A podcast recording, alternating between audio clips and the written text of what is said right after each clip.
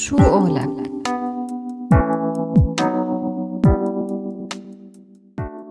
لفترة طويلة وقبل الثورة كان المحامي مازن درويش من نشطاء حقوق الإنسان. تعرض لكثير من الضغوطات والتحقيق بسبب عمله واعتقل سنة 2008 بتهمة إضعاف الحس القومي والنيل من هيبة الدولة بسبب تقرير أعده المركز عن أعمال الشغب يلي حصلت بسجن عدرا المركزي. خلال الثورة تابع درويش عمله الريادي بهذا المجال الشيء اللي أدى لاعتقاله من جديد بشباط سنة 2012 من جهاز المخابرات الجوية السوري. بالإضافة ل 15 صحفي وناشط سياسي بنفس اليوم تفاوتت مدة احتجاز البقية بينما تم إطلاق سراح درويش بآب 2015 درويش اللي بيرأس اليوم المركز السوري للإعلام وحرية التعبير. العديد من المنظمات مثل رويترز وأسوشيتد بريس وصفوه بأنه أبرز النشطاء السوريين.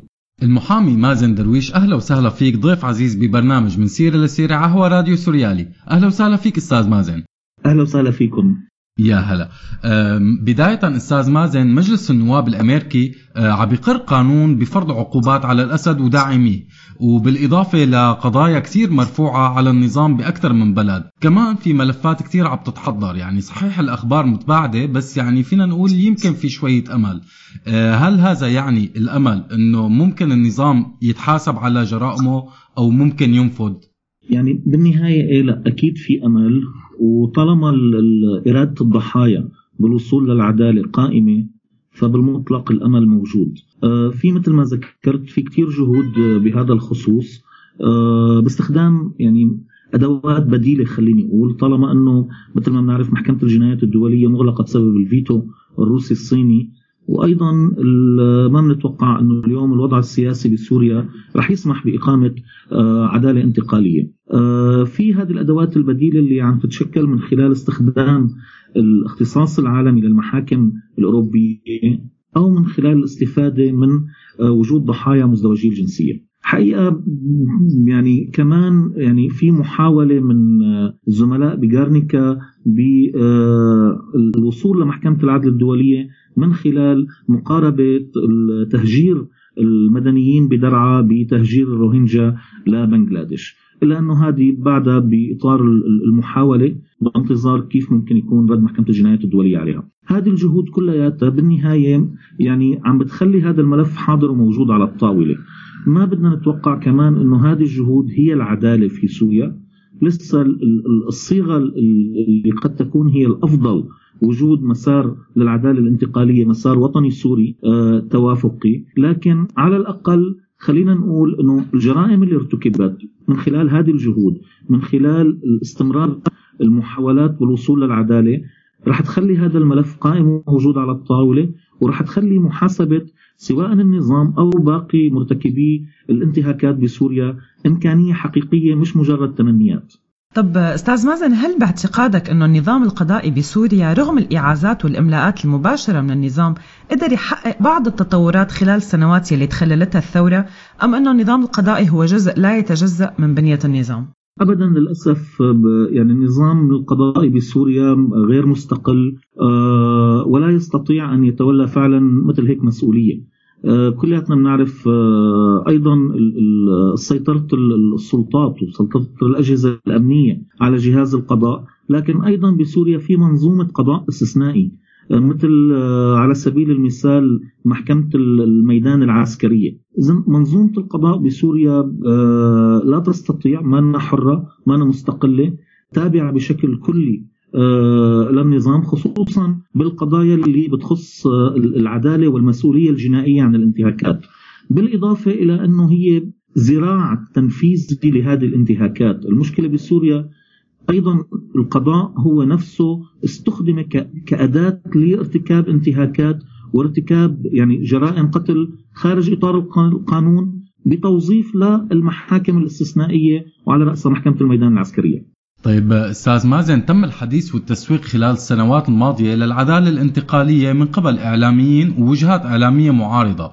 أه، هلأ في عنا شقين للسؤال. الشق الأول هل برأيك النظام كان عنده شيء موازي للعدالة الانتقالية بقاموسه؟ في حال انتصر لا ابدا. أنا ب يعني بذكر آه، يعني قبل حتى خلينا نقول قبل الثورة بال 2011 آه، كنت اشتغلت فترة سنتين بمشروع العدالة الانتقالية بالمغرب ولما رجعت على سوريا بال 2005 تقدمت فعلا بمشروع آه، لا يعني للعدالة الانتقالية عن الانتهاكات والجرائم اللي صارت فترة بين مرحلة ال 76 للثمانينات وتحديدا مجازر حما رغم إنه يعني كان في إمكانية لتسوية هذه الملفات آه، بشكل سلس ومقبول مجتمعيا آه، إلا أنه النظام بوقتها كان ردة فعله أنه لا يتحال قدام محكمة أمن الدولة.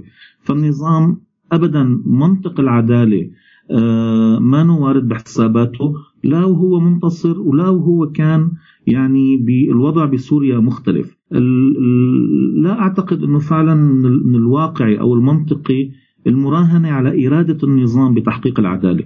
الشق الثاني من السؤال أستاذ مازن هل برأيك العدالة الانتقالية أمر ممكن التحقيق اليوم في حال انتصار الثورة؟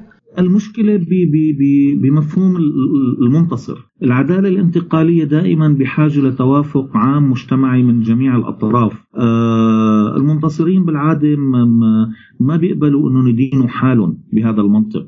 لهيك الموضوع أعقد. طالما أنه المعيار رح يكون في هناك منتصر وهناك مهزوم ما بعرف فعلا إذا رح يكون في عنا إمكانية أنه نقيم عدالة انتقالية شاملة بسوريا. الوضع اجمالا يعني لا شك الاحتمالات إذا بدنا نحكي بالمنطق احتمالات أن يكون هناك عدالة انتقالية فيما لو كان في تغيير لهذا النظام أكيد بترتفع بالمطلق لدرجات يعني ممكن تقارب 80 و 90% لكن وجود النظام بالمطلق هو حاجز أمام التغيير وأمام الديمقراطية وأمام العدالة بشكل عام. أه، طيب أستاذ مازن هل بتعتقد أن المحاسبات القضائية لازم تطال بس النظام أو بعض الفصائل المعارضة بمرحلة من المراحل؟ يعني العدالة بشكل عام ما بصير تكون انتقائية، ما بصير إنه يكون في عنا يعني بدنا نطبق معايير واضحة وثابتة على كل من ارتكب جرائم حرب أو جرائم ضد الإنسانية. آه، ما بيصير إنه يكون في عنا انتقائية بموضوع العدالة ما بيصير يكون في عنا انتقائية بحقوق الضحايا. بالمطلق بالنهاية الكل عم بحكي هلا ك بالشكل النموذجي أو المثالي كل من ارتكب جرائم حرب أو جرائم ضد الإنسانية بغض النظر عن التسمية السياسية له معارضة موالاه آه، فصائل آه، مسلحة فصائل إرهابية بغض النظر يجب أن يكونوا خاضعين للعدالة. وكل ضحية بغض النظر هو كان موقفه السياسي أو اصطفافه السياسي طالما أنه هو تنطبق عليه شروط الضحايا الضحية يجب أن يكون له الحق بالوصول للعدالة. طب أستاذ مازن هل برأيك فينا نحكي عن مكاسب قانونية للثورة؟ آه، بظل الشيء اللي عم آه، اللي عم يعمله المركز تبعكم أم مرة ثانية السياسي بيتدخل مع القانوني؟ خليني أقول أنا إنه في في مكاسب قانونية للسوريين. بشكل عام. لأنه أعتقد أنا حتى المدنيين اللي ممكن نحن نصنفهم بين قوسين موالين للنظام هن أيضا رح يستفيدوا رح يكونوا آه، عندهم مكاسب من العدالة بسوريا بغض النظر. المكاسب فيني أقول إيه في مكاسب للسوريين. في مكاسب لسوريا بالمعنى الوطني العام آه لأنه بالدرجة الأولى مثل ما حكيت الشيء اللي عم نشتغله نحن وأيضا في مؤسسات سورية أخرى وفي مؤسسات دولية هو عمليا تثبيت الحق بالعدالة، تثبيت الحق بمحاكمات عادلة وعدم غض النظر عن هذه الجرائم. للأسف بالتداخل السياسي موجود، للأسف في توجه عند الأمم المتحدة وعند الدول الإقليمية وحتى القوى الدولية لغض النظر عن هذه الجرائم والانتهاكات اللي صارت. في توجه بقايض السلام بالعدالة بمعنى إما يعني نحن كسوريين علينا أن نختار السلام اللي هو بالنسبة لهم مجرد وقف إطلاق نار أو علينا أن نختار العدالة. بهذا الخصوص التدخلات السياسية موجودة واردة من غير الممكن إنكارها. نحن اليوم ما عم نقدر نتوجه لمحكمة الجنايات الدولية بسبب الفعل السياسي لدول تمتلك الفيتو مثل روسيا والصين تحديدا. لكن مع ذلك إرادتنا كسوريين إرادتنا كضحايا بالوصول للعدالة هي اللي ممكن تكون القول الفصل بهذا الخصوص. بالنهاية مسارات العدالة للأسف ما سريعة. شفنا من تجارب دول أخرى قد تستغرق سنوات طويلة. لكن بالنهاية العدالة ممكنة.